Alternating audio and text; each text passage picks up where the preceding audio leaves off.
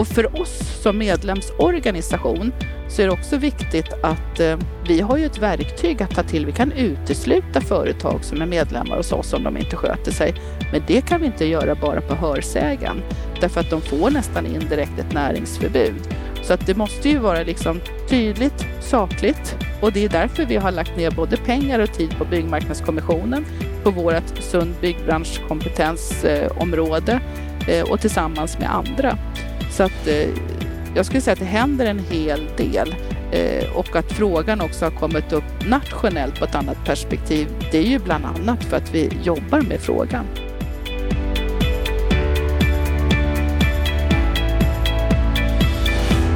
Fusket i byggbranschen är gigantiskt och nu har byggföretagen tillsammans med Byggnads inrättat en åtgärdskommission som ska få bukt med fusket.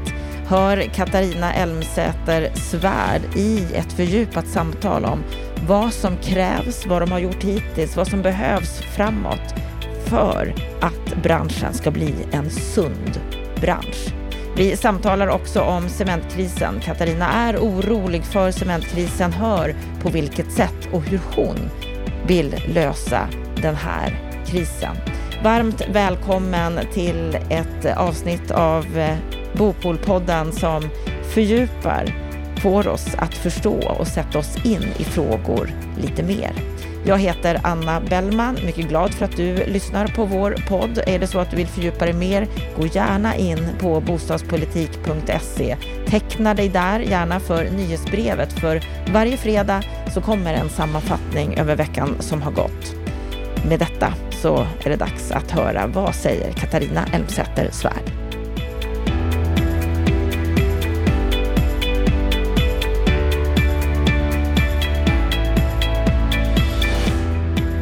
Varmt välkommen till Bopolpodden, Katarina Elmsäter-Svärd.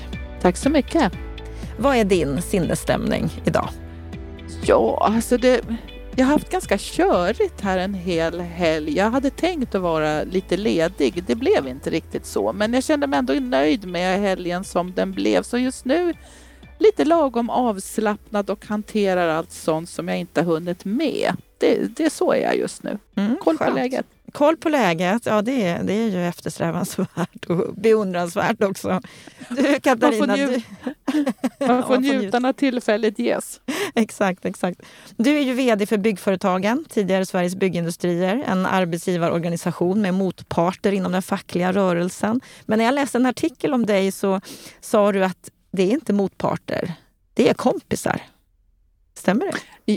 Ja, men alltså jag tycker ju att även om uttrycken kan vara motparter, men jag är ju väldigt mycket att inte prata om varandra utan med varandra. Och parter kan ju, även om man ibland har motstående eh, alltså sätt att tänka, vara, kulturer, men rätt använt så kan man ju göra väldigt mycket ihop. Så då tänker jag mera kompisar i flera viktiga frågor. Mm. Samma artikel, det här var i DN, så säger man där att du gillar andra att må bra. Det har varit din drivkraft i allt som du har företagit dig, från politiska uppdrag till ordförandeskapet i hockeyklubben och att du på fritiden gärna ser nubbevisan som en humörhöjare. Stämmer det att det är din drivkraft, att få andra att må bra? Jo, men alltså, jag är ju den här uppfattningen att eh, alla har någonting gott i sig. När jag var i politiken så brukar jag också tänka för egen del, men många gånger kanske förklara för all, många andra att de som är engagerade gör ju det för att de vill någonting och de tror på någonting och de tror att de också vill rätt saker. Sen behöver man inte alltid hålla med. Då är jag ju mera liksom inne på att kan man bygga förtroenden och när folk och människor mår bra så presterar de också bra och kan man göra det ihop så blir det också väldigt bra med resultat. Och jag är väl kanske mest resultatfokuserad men använder mig av människor och kanske känslor på ett annat sätt. Hur använder du av känslor? Lite grann kanske att eh, fånga in människor, eh, hur de är, hur de funkar, hur de tänker, vad de vill. Jag tänker liksom, ska man komma framåt så är det ju oftast receptet av en, man brukar säga vinna vinna, what's in it for me? Ska man ge någonting av sig själv så både så ska det bidra men man måste också kunna tjäna på det själv. Och när man hittar den här känslan och det är då jag tänker att man går på känsla, då måste du förstå och kunna din motståndare. I politiken så handlar det om att lika väl känna till de andras partiprogram för att förstå vad det är de vill uppnå. I den rollen som jag har här och nu. Ska jag lyckas och komma överens med till exempel Byggnads eller andra, då måste jag ju förstå och veta vad är deras mål och syfte för att liksom fånga in rätt saker. Det är väl lite mera så jag tänker. Lättare sagt än gjort, tänker jag. Men ändå lättare sagt än gjort. Absolut, men det handlar ju också egentligen, tänker jag, lite grann att både ta sig tid att lyssna in och förstå, se med ibland ett, kunna lyfta upp ett helikopterperspektiv. Eh, jag kan uppleva ibland att vi väldigt snabbt går in i detaljer men då pratar man ju var och en utifrån sin egen planhalva och sin egen verklighetsbild. På något sätt så handlar det om att delar vi först verklighetsbilden, delar vi en målsättning. Då blir ju snarare resonemanget hur når vi dit på bästa sätt? Det är lite av en gruppterapeut kanske, ja. men, men, på något sätt så känns det. Och det är väl så jag har som ambition. Det är så jag jobbar. Ibland funkar det och ibland så funkar det inte. Då får man ta det därifrån. Du är ju tidigare, eller har tidigare varit infrastrukturminister. Du har också varit finanslandstingsråd i Stockholms läns landsting. Mm. Just det här du pratar om nu, att, att liksom dela samma syn. Det är inte alltid det man upplever att politiker och politiken gör. Håller du med om det? Alltså både ja och nej. Det finns, eh, om man tar till exempel riksdagen, den bild som många gånger människor upplever och ser, det är ju det här när man har kavlat upp ärmarna och står i en talarstol och helst ska hitta snärtiga kommentarer om varandra. Men det riktiga arbetet sker ju egentligen många gånger i god anda i utskotten och runt fikabordet. Eh, det är minst lika viktigt. Den bilden syns inte alltid så mycket utåt.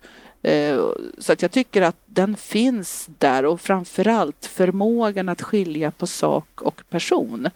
Det kan vara svårt ibland, men det är där du hittar framgången också. Vad tycker du om de politiker och partier vi har idag när det gäller byggpolitiken, bostadspolitiken? Hur sköter de sig? Jag tycker att vi har en avsaknad av just bostadspolitik och det kan ju möjligtvis vara så att många tycker att de håller på med det. Men den är ju också så bred så den, den kräver ju egentligen ett bredare sammanhang. Det kanske är civilutskottet i riksdagen som per definition har bostadspolitiken på sin lott. Men för att få förändring i det som vi kanske menar behövs ett större samhällsperspektiv då handlar det om flera andra utskott som minst lika mycket borde vara engagerade men som kanske inte tänker att de har bostadspolitik exempelvis skatteutskott, näringsutskott. Jag tänker på utifrån amorteringskrav, kreditrestriktioner, eh, sånt som kanske ligger på finansutskottet eller sådär. Utan här, här skulle man ju snarare vilja ha ett helikopterperspektiv igen, tänka, se mer holistiskt. Och det kanske gör att frågan blir svår just i riksdagen. Eh, det är därför jag tycker att det vore bra att man kanske tänker bredare och har någon form av samhälls, alltså bostadspolitiskt helhetstänk där man liksom bjuder in alla som berörs, även i riksdagen. Är det därför det här är en fråga som vi tycker saknas ofta? Nu går vi ju in i ett valår och de, de kärnfrågorna kommer att lyftas och det är sällan som, som bostadsfrågorna ryms i den här flörtpolitiken som vi kommer att möta nu? Är det för att det är för en bred fråga? För den som, precis som du säger, den går ju in i alla områden mer eller mindre. Den går in i alla. Jag skulle nästan kunna säga att det finns en parallell kopplat till infrastruktur. Lika väl som varje kommunalråd med självaktning vill stå i en valrörelse och berätta vilka järnvägssträckor eller rondeller som ska komma till i en kommun så är inte den en valvinnarfråga. Det är inte bostadspolitiken heller om man politiskt rent taktiskt ska liksom fånga upp viktiga frågor. Men det kan omvänt vara en fråga som man kan förlora eh, ett val på. Eh, och, det är väl här du har liksom finliret emellan. Eh, jag kan ju tycka att till exempel om man tar den bostadspolitiska frågan så blir man ju liksom med suck ibland. Det kan skickas ut glada pressmeddelanden om att nu ska vi lova 500 000 nya bostäder här fram till 2030. Och så är det samma avsändare som glömde att det behövs visst cement till eh, själva grundfundamentet och finns det inte det så kan vi inte bygga en enda bostad. Då tänker ju en annan, ni har inte sett sambandet. Eh, så det, jag tror att det är sånt som gör att det blir svårt. Mm. Väldigt svårt. Det är många frågor som, som är viktiga att täcka in och precis det du är inne på nu, just det här med krisen. Den är ju någonting som har varit flitigt i media de senaste månaderna. Det var ju 6 juli i år som Mark och miljööverdomstolen beslutade att avvisa Cementas ansökan om förnyat tillstånd att bryta kalksten i de befintliga täkterna i Slite på Gotland. Vad säger du om den här krisen? Hur allvarlig är den egentligen? Rent konkret så är den ju allvarlig utifrån att blir det ett byggstopp Eh, för att du faktiskt inte har någon cement på marknaden. Och det dessutom är helt orimligt att tro att man från en dag till en annan kan importera. Ja då har det ju en direkt effekt på otroligt många människor som direkt berörs i bygg och anläggningsbranschen. Och eftersom att våran bransch är så stor så är det också en stor del utav Sveriges ekonomi som påverkas. Så att du har både jobbperspektiv, ekonomisk perspektiv. Men det tredje som man kanske inte alltid tänker på i den klimatomställning som vi alla på något sätt är med och bidrar till och inte minst bygg och anläggningsbranschen så kan vi heller inte göra de klimatinvesteringar med vindkraftverk eller batterifabriker om vi inte har cementen. Eh, så det är klart att det påverkar enormt mycket. Och sen så vart det väl också dessutom då i det här fallet det kom faktiskt ändå för många som en överraskning när det meddelades under själva byggsemestern här i somras med kort tid kvar. Det kan ju tyckas möjligtvis naivt men det var ju bara ett år tidigare som det hade blivit godkänt i Mark och miljödomstolen så att det fanns väl ingen som egentligen trodde att det skulle bli så här där vi står just nu. Och varför har det blivit så här? Det är väl en större problematik handlar egentligen om all tillståndspliktig verksamhet. Vi kan prata gruvor, vi kan prata vattenkraft, vi kan prata i det här fallet cement. Eh, och då finns det ju å ena sidan när man har perspektivet klimat det är klart att det är viktigt med vattenfrågan, med utsläpp och sådana saker. Och cementproduktion är ju en riktig eh, utsläppare i själva processen. Eh, men å andra sidan, tänker jag, och det är det här jag saknar utifrån miljöbalken och hur man gör tillsyns eller tillståndsbedömningar, det är att man tittar så lokalt och tar inga hänsyn till det globala klimatperspektivet. Om man till exempel skulle börja frakta per båt eh, cement eller kalksten, vilket är väldigt stort och tungt, från Kina eller Turkiet och vad det för med sig i sin tur. Utan vi har ju också ett sätt hur man gör de här tillståndsbedömningarna som är väldigt lokala utan att ta hänsyn vare sig till samhällsperspektiv, sårbarhet, försörjningskrav, beredskap eller den globala klimatpåverkan. Det är i sig ett stort problem. Vad betyder det för, för branschen, det läget vi är i nu? Just nu så är ju osäkerheten så stor eh, med blir det stopp? Blir det glapp? Blir det totalt stopp? Eftersom att vi vet ju ännu inte. Eh, det här betyder ju att eh, entreprenörer som ska lägga anbud till exempel på nya kommande projekt är osäkra på om de har tillgång till material och skulle de få tillgång så vet de heller inte vad det kommer att kosta. Det är en osäkerhetsfaktor. Omvänt så kan det ju vara så att den som är en beställare, en kommun eller en bostadsutvecklare eller vad det nu kan tänkas vara för någonting, har ju svårt att få in anbud eller ens en gång veta eh, om man ska liksom planera in några projekt nu eller skjuta det på framtiden. Du skulle till och med kunna dra det så långt att en enkel vanlig person som har just i lyckan fått ett lånelöfte för att köpa en bostadsrätt den vill ju veta när den personen kan flytta in. För det påverkar hela ens liv och möjligheten att må bra. Eh, den kanske inte kan få ett besked. Eh, därför att den som ska bygga kan inte veta när det blir färdigt för man vet inte om man har tillgång på cement för att gjuta själva grundplattan och komma igång. Så att, alltså det, det påverkar ju så otroligt många skeden. Det här, det är bara i våran bransch. Men ta till exempel gruvnäringen och de som jobbar under jord.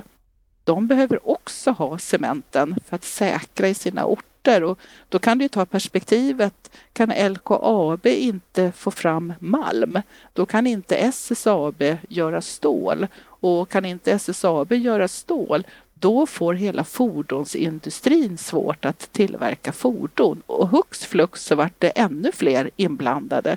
Det är som halvledarfrågan fast i ett annat perspektiv. Mm, jag läste siffror här att varsel väntas just inom bygg och anläggningssektorn. Att det är 175 000 personer som påverkas direkt.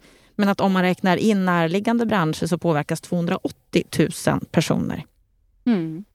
Och att eh, investeringsbortfallet, om man tittar just på den inbromsande ekonomin till följd av det här, så bedöms den överstiga 20 miljarder per månad. Det är mm. stora siffror vi pratar om här. Det här är ju alltså då inte bara en branschfråga för bygg och anläggningssektorn? Det, det, och just kanske på grund av att frågan blir så stor så kan jag ju också få känslan av att det är väldigt många som fortfarande har tänkt att det här är ju så stort så det här kan ju bara aldrig inträffa. Det här måste ju bara lösa sig. Men den här någon, det är ju flera stycken per identifikation regeringsföreträdare koordinera ihop med länsstyrelser, kombinera ihop med regionen och hur vi jobbar tillsammans i branschen. Lite som ett projekt kan man säga. Vi vet vad vi står inför men hur håller vi ihop? Att veta vem gör vad? Vem tar ansvar för vad? Och vad har vi för plan B om ett glapp inträffar? Hur länge blir det glappet? Vad kan vi göra under tiden? Just för att inte riskera att hamna i ett totalstopp som får de här enorma konsekvenserna. Men någon måste ju ändå vara huvudansvarig. Så är det och i grund och botten så är det naturligtvis bolaget, i det här fallet Cementa. Men jag tänker också att kopplat till att de ska ha sina tillståndsprocesser så är det ju bra just för att frågan blir så samhällsviktig både för funktioner och ekonomi så bör ju regeringen, tycker jag i det här fallet, både hålla ihop mellan alla departement, titta på konsekvensanalyser ha nära kontakt med länsstyrelser. Vilka beslut behöver fram för att i väntan på att eh, eh, olika tillstånd kommer på plats, att man ser de här effekterna och vara transparent med information till branschen. Eh, det svåra i det här det är ju många bolag som kanske också är börsnoterade som måste lämna relevant information till sina kunder och vi vill ju inte ha en negativ börspåverkan på grund av eh, missinformation. Så att det, liksom, det, det, här måste ju hållas ihop för att frågan är så stor. Det tycker jag borde ligga i någon form av utpekad samordnare på regeringskansliet. Och det finns inte idag?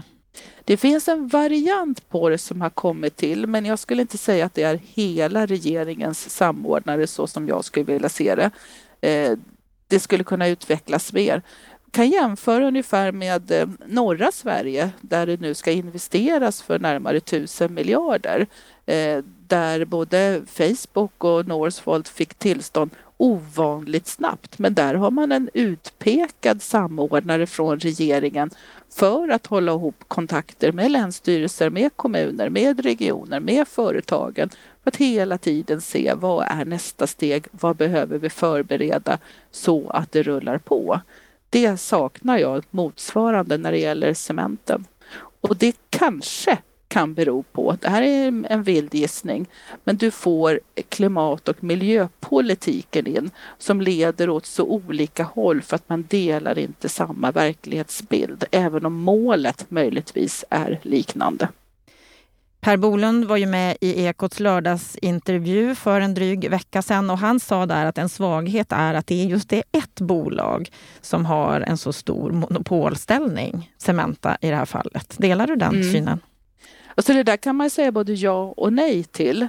Eh, samtidigt så vet vi ju att just cement och kalk, alltså brott om man säger, det är ju oftast en, det är en färskvara, det är oftast en lokal produkt.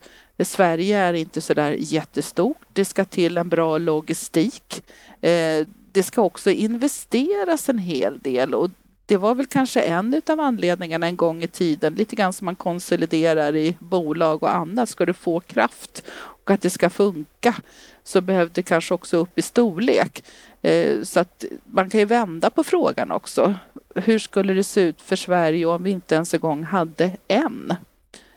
Så att det, det, är både fördelar och nackdelar. Sårbarheten blir ju när ett bolag som vi står inför nu eh, riskerar att inte få några tillstånd. Det, där har du ju naturligtvis en sårbarhet. Eh, men sen är ju just cementen och betongen problematiskt tycker jag för att det är inte så lätt att bara hitta snuttar härifrån och lägga ihop en maskin och snurra ihop och få ut betong. Allt ska testas och prövas och det ska hålla över tid. Eh, så då blir ju också storskalighet någonting som också blir smidighet. Så att ehm, det är inte bara lätt att säga att det är ett fel att vi har en stor. Det finns också många fördelar med att vi har en stor tillverkare. Mm, det är en stor osäkerhet nu vad det här kommer att leda till. Hur känner du? Är du positiv eller negativ inför osäkerheten alltså, här Ja, men jag har faktiskt på riktigt här under senaste veckan varit riktigt orolig och det är mer utifrån känslan igen. Jag har ju varit och själv på Gotland, på Slite, träffat länsstyrelse, träffat region och eh, också i samtal med regering och jag känner att ibland så upplever jag att det finns någon form av beröringsskräck. Frågan i sig har blivit så känslig lokalt så att det till och med kanske skapar familjekonflikter, vilket gör att rädslan att göra fel är mycket större än viljan att göra rätt. Och då, då tappar du i tempo istället för att samla alla som berörs och att försöka liksom nå framåt i det här. Och det har jag känt har varit väldigt nära. Och nu hade vi ju den 31 eh, oktober här alldeles nyligen och då hade Cementa fortfarande inte fått beskeden från Länsstyrelsen om de ens fick krossa den sten, den kalksten som de hade losshållit som extra reserv, vilket i sig skulle vara nödvändigt att ha för att inte få några stopp i väntan på det tillfälliga tillståndet som regeringen ska fatta här nu i mitten av november, när per definition cementen egentligen tar slut om inte regeringen fattar. Så att jag menar, du har så många osäkerhetsfaktorer. Det enda som vi vet egentligen med säkerhet är att när väl regeringen har fattat sitt beslut att ge tillstånd till Cementa att köra en tid till så kommer det att överklagas av miljöorganisationer och det ska upp eventuellt till Högsta förvaltningsdomstolen. Och det är det här som skapar så mycket osäkerhet och det är därför det behövs någon som koordinerar det här och ser vart det tar vägen. Eh, så att eh, ja, det är mycket sådana saker så att jag, jag är fortfarande är mer orolig än att jag är i ro. Mm. Vi får hoppas att du kommer till ro snart, att det här löser sig inom kort. En annan fråga som är viktig för branschen och som har flaggats för bara för något halvår sedan, det är ju byggfusket. Att det i branschen finns en omfattande arbetslivskriminalitet, skattebrott, att det är brott mot arbetsmiljölagstiftning, att löner inte utbetalas på det sätt som man har kommit överens om.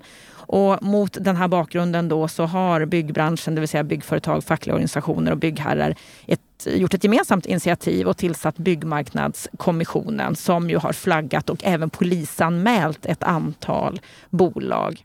Och eh, i tisdags den 2 november så har Byggnads tillsammans med er på byggföretagen enats om att inrätta en gemensam åtgärdskommission för att bekämpa den här arbetslivskriminaliteten. Vad handlar det här om? Man kan se i flera steg. Redan 2018 så tog eh, vi från byggföretagen tillsammans med Byggnads eh, ett initiativ till eh, någonting vi kallade för en sund byggbransch där vi också fick pengar från Arbetsmiljöverket. Lite grann för att skanna av hur ser läget ut och vart vill vi nå? Sen har vi utvecklat det arbetet utifrån att vi själva vet att ingen av oss kan göra det här själv. Vi måste ha med oss myndigheter, vi måste ha med oss eh, finansiärer, vi måste ha med oss eh, kommuner och beställare, alla som på något sätt påverkar i branschen. Det här har vi då utvecklat och tagit fram en strategisk handlingsplan där vi kan konstatera att det finns tre saker som är viktiga. Det ena är kunskap och kompetens. En handlar om regelefterlevnad och det sista som kanske är svårast det är ansvarstagandet, alltså att var och en ska göra rätt från sig. Det här arbetet det löper vidare och är nu också mycket mer breddat med flera eh, arbetsgivarorganisationer inom vår sektor och fackliga organisationer. Men det som du nämnde, Byggmarknadskommissionen, det var ett initiativ som togs eh, för att det är så svårt i den här diskussionen, debatten att veta egentligen vad är fakta? Vad är riktigt? Det är lätt att slänga sig med olika saker och då kommer vi liksom aldrig framåt. Men givet det då så skulle då Byggmarknadskommissionen försöka kartlägga och analysera hur ser det ut i branschen för att också utifrån det nu här när vi kommer in i januari kunna lägga ett antal olika förslag och åtgärder för att få bukt på problemet. Det som vi gör nu, det som Byggnads och vi eh, har kommit överens om, det är kopplat till vår roll som parter i vårat ansvarstagande, både kopplat till regelefterlevnad, att vårt byggavtal, att det efterlevs. Där har ju Byggnads ett flertal olika verktyg att kunna ta till, men där vi också ska titta och se på vad kan vi tillsammans hitta för konkreta åtgärder ytterligare för att de kontroller som ändå görs ute på arbetsplatserna både kan bli fler men också mer effektiva. Eh, därför det handlar väldigt mycket om att vara ute och titta. Och här så tycker jag också att det är viktigt att ta med sig perspektivet att många företag, och vi vill ju gärna tro att de som också är medlemmar hos oss, de vill lite mer, de har lite tuffare krav på sig för att också få vara medlemmar. Vilka verktyg behöver de ha för att också kunna leta och veta att de gör rätt? För det är inte, du får lägga ner ganska mycket både tid och resurser och pengar för att liksom söka hela vägen. Eh, det är någonting som vi kan jobba med. Och vad behöver Byggnads göra till exempel? För det är de som är ansvariga för att ge företag hängavtal. Eh, och vi vill ju gärna tro att de här två kategorierna företag ska vara lite bättre än andra den tuffaste utmaningen, och där behöver vi vara flera aktörer, det är att hitta den kategori företag som har sin enda business. Att inte vara medlem med någon organisation, inte ha några avtal egentligen, utan de kör allt vad de kan för att runda systemet. Eh, och det är de som vi verkligen måste komma åt och framförallt öka kunskapen så att de som vill väl inte använder de här företagen av kanske okunskap. Eh, så det, det, är väldigt många olika bottnar i det här. Men det vi ska göra i den här åtgärdskommissionen det är utifrån vår roll som parter. Vad kan vi göra utifrån vårt eget ansvarstagande? Mm. Och här behöver ni göra rätt mycket vad jag förstår. För att om vi läser vad Byggmarknadskommissionen sa den 15 september när de eh, skrev om det här i DN Debatt så skrev de just att inget tyder heller på att fusket är mindre i företag med kollektivavtal än utan. Det är inte heller skillnad mellan större och mindre företag. Och då menar de ju här att kollektivavtal, det verkar ju inte ge så stor effekt. Hur ser du på det? Jag tycker också att det är viktigt om man tittar på den eh, rapporten som togs fram så hade man ju tittat på 90 olika företag och man hade framförallt tittat på eh, de med utländsk bakgrund. Eh, vi fick ju till oss till byggföretagen som då skulle vara tre företag som de hade hittat. Det var dock inga företag som var medlemmar hos oss eh, som var de här företagen som de hade hittat. Däremot så stämmer det naturligtvis det som de också har sett att bland företag som de ser inte är schyssta så kan det vara företag som används utav våra medlemsföretag och det är ju här vi håller på i de, liksom steg för steg titta på hur kan våra medlemsföretag som har ansvar både för sig själva och sina underentreprenörer hitta bra verktyg för att verkligen se att det är schyssta eller oschyssta företag. Eh, jag vet ju flera medlemsföretag som jobbar både med tredjepartskontroller, med digitala hjälpmedel och lägger ner rätt mycket både tid och resurser eh, och kommer fram till att de hittar företag som de här vill de inte ha att göra med längre. Här har vi ett nästa problem och det har vi varit i kontakt med Konkurrensverket bland annat att är det ett företag som hittar företag som eh, kanske kommer hit eller var de nu kommer ifrån och är direkt icke bra eller helt oseriösa företag så får de ju inte berätta det från för andra företag som kanske också använder dem i tron att de är bra företag. Det är ju ett stort problem också. Eh, så här ska vi göra lite olika piloter och lite olika tester eh, för att se hur kan vi både för egen del bättre följa upp våra egna medlemsföretag men hur kan vi också hitta ännu bättre verktyg för våra medlemsföretag i första hand men även för andra.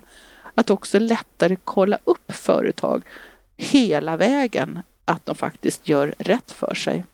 Har ni varit för dåliga på att kolla upp era företag, era medlemsföretag? Nej, alltså det skulle jag nog egentligen inte säga, men, men vi blir ju bättre och bättre, men det blir också de som fuskar. De blir, de blir finare och finare i sitt sätt att kunna komma runt det här. Och vi har ett problem med helt klart både utifrån hur myndigheterna i deras roll och ansvar att vara ute och göra inspektioner eh, inte har kunnat prata med varandra eller du har sekretessproblem om polisen är ute eller ekobrott eller skatteverk och så vidare. Eh, den håller ju på att bli bättre och bättre också. Kunskapen om det här skulle jag säga har ju också blivit bättre under de senaste åren, vilket måste till för att veta att du ska göra rätt. Jag har haft eh, samtal till exempel med eh, ledarna och byggcheferna här alldeles nyligen också för att se liksom hur och på vilket sätt kan vi hitta bra verktyg för de som är platschefer och kanske arbetsledare för att de ska veta vad de kan göra som faktiskt är ute på våra arbetsplatser. Så att jag skulle säga så att går vi tillbaks två, tre år i tiden så är det rätt mycket som har hänt som har blivit bättre och frågan har kommit upp på bordet på ett annat sätt. Men, men när, när, ni gick ut med det här i tisdags, men när ni gick ut med det här i tisdags så sa Johan Lindholm, som är förbundsordförande på Byggnads, att läget är akut. Vi kan inte sitta på händerna när branschen vi älskar tas över av kriminella. Delar du inte den bilden? Att det är ett akut den... läge, att ni egentligen sitter lite på händerna idag? Jag skulle inte säga att vi sitter på händerna. Det gör vi inte, för det görs väldigt mycket och har gjorts mycket. Men det här är en ödesfråga. Därför att det handlar om att företag som vill göra rätt för sig de facto blir utkonkurrerade av de som inte gör det. På så sätt så är det en akut fråga. Det handlar också om, när jag pratar om att vi ska liksom ha ett hållbart samhällsbyggande med en bransch som är attraktiv, sund och säker Alltså, vi vet att med företag som inte sköter sig när det gäller skatter och arbetsmiljö och så vidare, heller kanske inte alltid har rätt kompetens för det de ska göra, då riskerar det att bli arbetsplatser som inte är säker. Den sker inte på ett schysst sätt och då blir det heller inte attraktivt när vi samtidigt vill ha in fler tjejer och killar in i branschen. Så att det är klart att det är en överlevnadsfråga och på så sätt är den akut. Och den har blivit mer och mer bara senaste tio åren skulle man kunna säga att det har blivit ett större problem. Så jag säger, håller inte med om att vi ingenting görs. Vi har gjort väldigt mycket. Men, men borde ni ha gjort mer. något snabbare än vad ni har gjort? Borde ni ha agerat snabbare? Ja, det är frågan om vad du menar vad vi skulle ha agerat. Vi kan inte göra det här själva. Byggnads kan inte göra det här själva. Det arbete som vi har gjort här, det bygger också på att få med myndigheterna, få dem att förflytta sig tillsammans med oss. Vi har till exempel mycket också tack vare vårt arbete också fått med till exempel bankerna som nu i sin roll av att vara finansiär aktörer också har funderat på vilken roll kan de ta i det här arbetet och det gör de tillsammans med oss. Men alla sådana här saker tar ju mycket längre tid att få på plats än det vi egentligen skulle önska och för oss som medlemsorganisation så är det också viktigt att eh, vi har ju ett verktyg att ta till. Vi kan utesluta företag som är medlemmar hos oss om de inte sköter sig. Men det kan vi inte göra bara på hörsägen därför att de får nästan indirekt ett näringsförbud. Så att det måste ju vara liksom tydligt, sakligt och det är därför vi har lagt ner både pengar och tid på Byggmarknadskommissionen, på vårt sund byggbranschkompetensområde eh, och tillsammans med andra. Så att eh, jag skulle säga att det händer en hel del eh, och att frågan också har kommit upp nationellt på ett annat perspektiv. Det är ju bland annat för att vi jobbar med frågan. Upplever du att alla har tagit det här på liksom lika stort allvar, om jag får säga så? Eller att vissa har velat tona ner det alarmistiska i frågan? För jag kan få lite den känslan att, att vissa tidigare har sagt att nej, men det är inte så jätte, jättestort problem. Hur, hur, hur ser du på det? Ja, fast jag har ju några sådana erfarenheter under de här åren som ändå har gått när vi har jobbat med frågan där det finns även medlemsföretag hos oss som verkligen har trott att de gör allting rätt och att de kollar det de förväntas kolla. Men som ändå har trillat dit på att de uppenbarligen inte hade hittat fel. Eh, men som har blivit väldigt förvånade över det. Sen kommer kunskapen in, sen kommer verktygen in och de ser och förstår vad de ska göra och nästan det blir som ett uppvaknande att oj, det här hade vi liksom ingen aning om. Så att i det perspektivet så finns det nog de som har levt i en värld att de har tänkt att det inte är så farligt, men med mer kunskap och när de väl börjar sätta sig in i det så ser de att det är ett problem. Eh, men man ska också vara medveten om, vi brukar göra den här fyrfältaren och det gör vi tillsammans med facket också. De största problemen, de finns inte hos de som är medlemsföretag hos oss.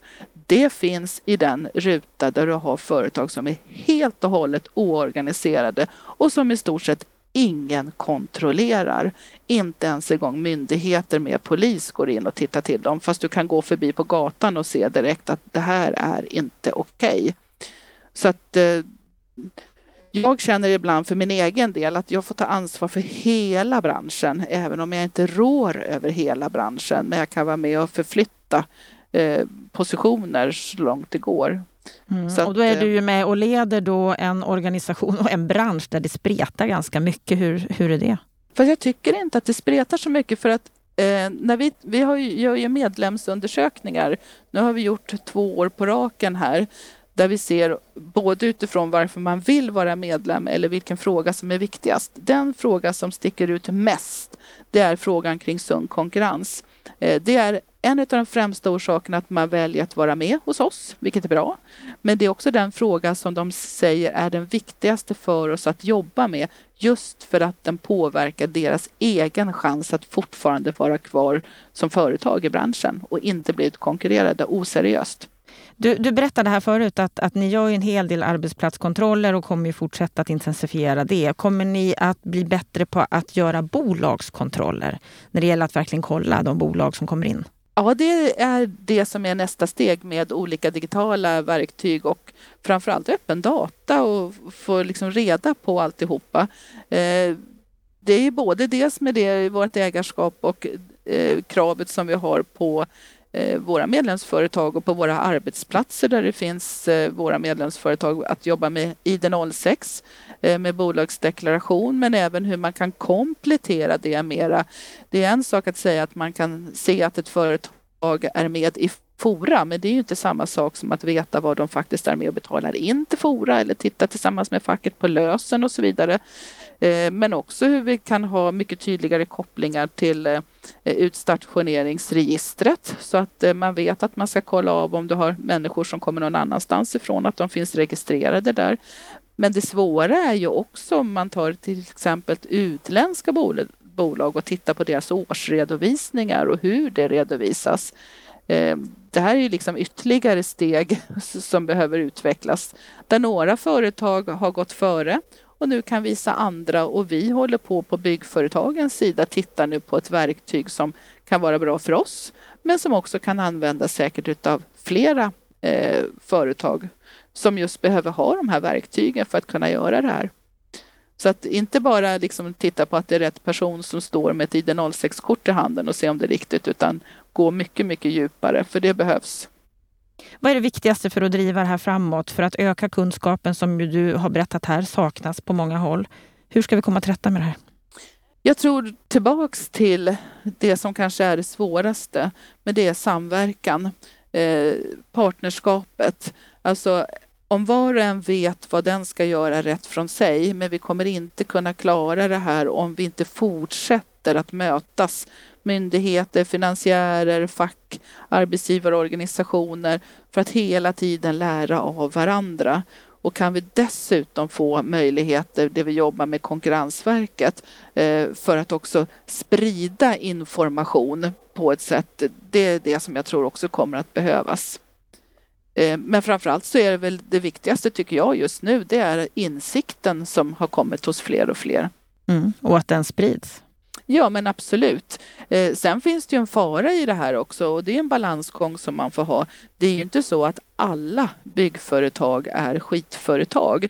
Eh, jag tänker ju också långsiktigt för attraktiviteten för branschen. Det är lätt att glömma allt som också är bra i den.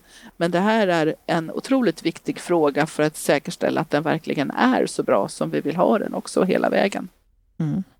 Lycka till med ditt arbete framåt och tack för att du gästade Bopolpodden, Katarina Elmsäter-Svärd. Tack!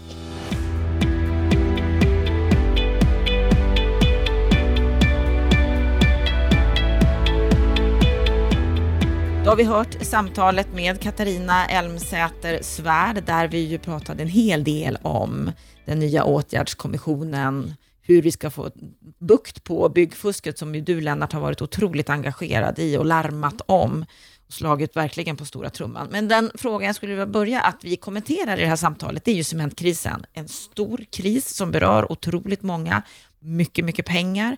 Hon säger ju här att hon är orolig för cementkrisen. Vad säger du om hennes kommentarer här, Lennart? Jag delar helt hennes uppfattning och jag tycker att byggföretagen har gjort ett eh, utomordentligt arbete i den här frågan där de tagit fram fakta eh, som eh, har belyst vilka enorma konsekvenser eh, ett, ett tvärstopp skulle få för den här frågan. Jag tycker också att hon helt korrekt pekar på, på Eh, det tunnelseende som finns i den här frågan ifrån miljöorganisationerna. Jag menar, på vilket sätt skulle det vara bättre att vi plockar cement ifrån Kina eller Östeuropa eller andra länder som vi ska transportera långa vägar som i sig då skapar olika typer av miljöproblem. Så att eh, det här är en fråga där byggföretagen har gjort ett utomordentligt arbete och jag är minst lika bekymrad som hon. Hon beskriver bland annat att hon vill ha en nationell samordnare som verkligen är fokuserad på den här uppgiften. Ja, det är ett utmärkt förslag. Därför att det är viktigt att hålla tryck i frågan. Det är viktigt att underhålla politiken med eh, faktamässig eh, information. Det är också viktigt att föra en dialog med olika parter för det finns en drag utav, av, av eh, aktivism eh, hos miljöorganisationerna men uppenbarligen också hos handläggare på en del av våra myndigheter, till exempel Länsstyrelsen Gotland, som man måste parera med, eh, med dialog och, och eh, saklig diskussion. Det här är ingen lätt fråga. Jag menar, jag tror att vi har skapat ett problem som har koncentrerat all cementtillverkning eh, i Sverige till ett ställe. Men som jag påpekat tidigare, det är ju staten som har drivit fram den strukturförändringen.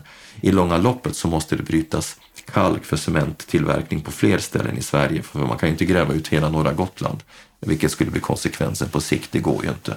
Utan här måste det till en långsiktig politik. Men nu är vi i ett akut skede där man inte får vidta åtgärder som gör att, att hela samhällsbygget mm, stoppar. Det måste man undvika till varje pris. Och sen måste man lösa de här frågorna i ett längre perspektiv. Och i båda fallen så krävs det smörjmedel för processen så att hennes förslag är utmärkt. Hon är orolig. Du säger också att du är orolig. Kommer det här att lösas? Jag vet inte.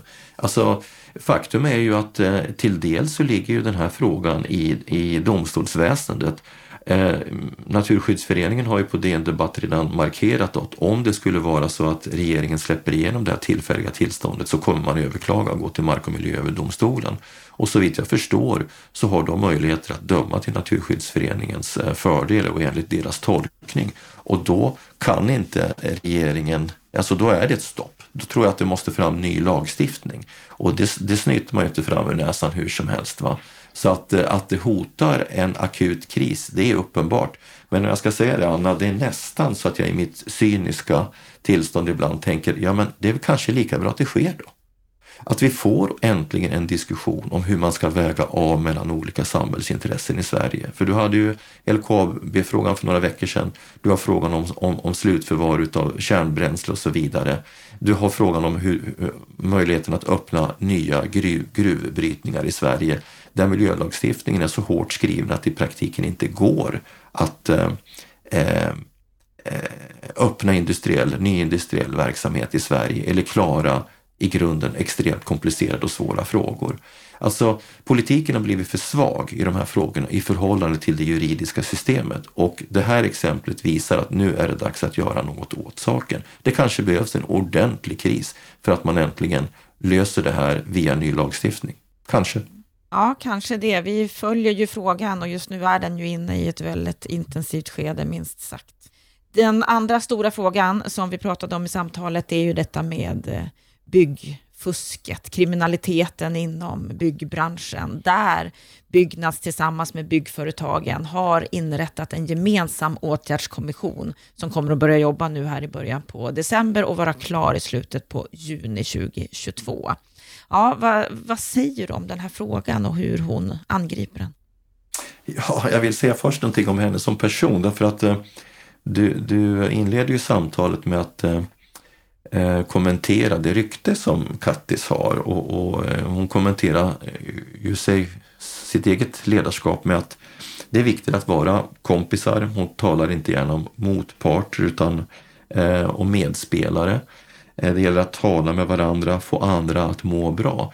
Ja, jag vill verkligen lyfta fram hennes egenskaper i det fallet som, som, som någonting positivt. Alltså, jag, jag ser ju henne i olika sammanhang och eh, hon är väldigt duktig på att lyssna in olika strömningar i rummet. Hon lyssnar på fakta och hon faciliterar det här ungefär som en uh, ungefär som en border collier, uh, eh, collier, collier eh, uh, collie heter det, uh, valla sin, sin, sin, sin, får, sin jord så gör hon på samma sätt. Va? Hon får gruppen att förflytta sig eh, framåt på ett snyggt och fint sätt med små gester och genom att skapa en god känsla i rummet. Det, det, är en viktig egenskap i den här frågan som är så oerhört laddad. För laddad är den. Och när vi går över till sakfrågan så hör du att hon är väldigt skicklig på att eh, balansera sig med, eh, med eh, väl avvägda formuleringar. Jag och andra är ju mera drastiska i det avseendet. Och, och, det utnyttjar hon på ett skickligt sätt. Jag menar, jag skulle ändå tro att hon har viss nytta av att eh, jag och andra går fram hårdare i debatten och, och hon plockar upp fakta och poänger och så lotsar hon det vidare. Men problemet är ju gigantiskt och eh, det är ju ingen tvekan om man ska anlägga ett annat perspektiv att eh, före henne så gjorde ju byggföretagen inte särskilt mycket utan jag kan ju själv vittna om att jag i extremt många sammanhang mötte företrädare för Sveriges byggindustrier, som de hette på den tiden, som egentligen förnekade problemet. Jag fick ju till och med argumentet att hur ska vi kunna eh, vidta åtgärder mot de här företagen? Då pratar vi om utländska, ofta östeuropeiska företag. De är ju medlemmar hos oss. Vi ska ju tillgodose även deras intressen, som om det skulle ha legat i linje med byggföretagens stadgar att man fuskar. Så att jag tycker att eh, eh, Sveriges byggindustrier har en mörk historia i den här frågan, en historia av förnekelse, att man sopat problemet under mattan. Det gör inte Kattis och eh, tvärtom så har hon tagit i problemet och lyfter upp det och faciliterar nu en process som känns lovande. Men jag skulle säga att vi ibland har en tendens att prata mer om bilden av problemet än problemet i sig. Och problemet är eh, monumentalt. Jag tycker inte heller att man, man har, har helt rätt när man säger att ett medlemskap i byggföretaget är någon form av absolut garanti för att företagen är rena, för det är, för det är de inte. Det är inte vi heller. Jag menar, från Veidekkes sida är vi ju extremt ärliga med att vi hittar problem varje gång vi gör en fördjupad analys. Och de här företagen jobbar ju i hela branschen, alltså har hela branschen ett problem. Vad byggföretagen gör idag det är att man undersöker om företagen har betalningsanmärkningar eller, eller obetalda skatter. Men den här typen av fördjupade bolagskontroller bedrivs ju inte alls.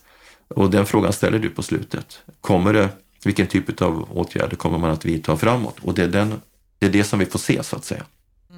Hon menar ju att de har gjort väldigt mycket hittills. Redan 2018 så började de jobba för en sund byggbransch och, och samtidigt så säger hon att hon vill ta fram bättre verktyg för att kolla upp medlemsföretagen. Ja, och det får vi ta fasta på. Men när det gäller historiken så ska hon ju inte ta något ansvar för det. Därför att ärligt talat så är ju 2018 väldigt sent i, i den här processen. Eh, jag vill bara påminna om att när, när Veidekke inledde det här samarbetet med Byggnads 2012, ett samarbete som vi fortfarande är helt ensamma om, där vi överlät kontrollerna utav U1 till eh, facket så, så eh, fick vi väldigt hård kritik ifrån flera medlemmar inom byggföretagen och även dåvarande Sveriges byggindustrier. Men faktum är att vi gjorde det därför att byggföretagen och Byggnads är de enda som sitter på två av de viktigaste kontrollverktygen, Fora och Lösen. Och de, det verktyget har ju byggföretagen. De hade också Anna-Lena Norberg och, och Thomas Lund inne hos sig under ett par år. Och det var väldigt få företag som uteslöts trots att de här företagen som undersöktes belades med, med eh, faktamässigt eh, man kunde visa faktamässigt att de inte höll sig till spelreglerna. Jag har själv föreslagit för byggföretagen att man eh, ska vidta åtgärder där, att man helt enkelt ska inrätta oberoende tredjepartsanalyser och deras egen jurist har ju bekräftat att det möter inget problem, det är bara att införa en samtyckesparagraf i stadgarna så, så kan man alltså göra sådana kontroller och man kan också reglera att medlemmarna inte kan föra talan i juridiska instanser. Det här problemet hotar att dra ner hela byggbranschen i ett träsk som vi aldrig kommer att kunna ta oss ur om man inte löser det här nu och det är väldigt bråttom. Jag tycker det är bra att man nu har tillsatt den här åtgärdskommissionen. Det är bra att Byggnads och byggföretagen gemensamt tar i hand på att lösa eh, frågan därför att den måste lösas på eh, branschnivå. Den kan inte lösas på enskild företagsnivå. Veidekke kan kasta ut hur många företag som helst. De bara går över till våra eh, kompisar i branschen och fortsätter att jobba som om ingenting har hänt. Och följden blir att de seriösa företagen kommer att gå under. Något som Peab har påpekat, Veidekke har påpekat, Brixley har påpekat och nu är det sanningens minut för byggföretagen och Byggnad skulle jag säga att båda har sprättat jord på varandra ganska länge nu och skyllt på varandra. Kattis har medverkat till att det nu åstadkoms, kom, kom till stånd en dialog mellan parterna och det ska jag verkligen hålla henne högt för. Men eh, nu måste också ord följas utav handling för situationen är mycket, mycket allvarlig. Sanningens minut är här. Situationen är allvarlig. Det behöver lösas och vi kommer självklart att följa varenda steg i vad som händer framöver inom det här området. Stort tack för att du har lyssnat på Bopolpodden den här dagen, det här fördjupade samtalet med Katarina Elmsäter-Svärd och kommentaren av Lennart Weiss. Är det så att du vill läsa mer om vad som händer inom branschen, då får du gärna gå in på bostadspolitik.se. Och på fredag, då möts vi igen i veckans Aktuellt. Med detta så önskar jag dig en riktigt trevlig vecka.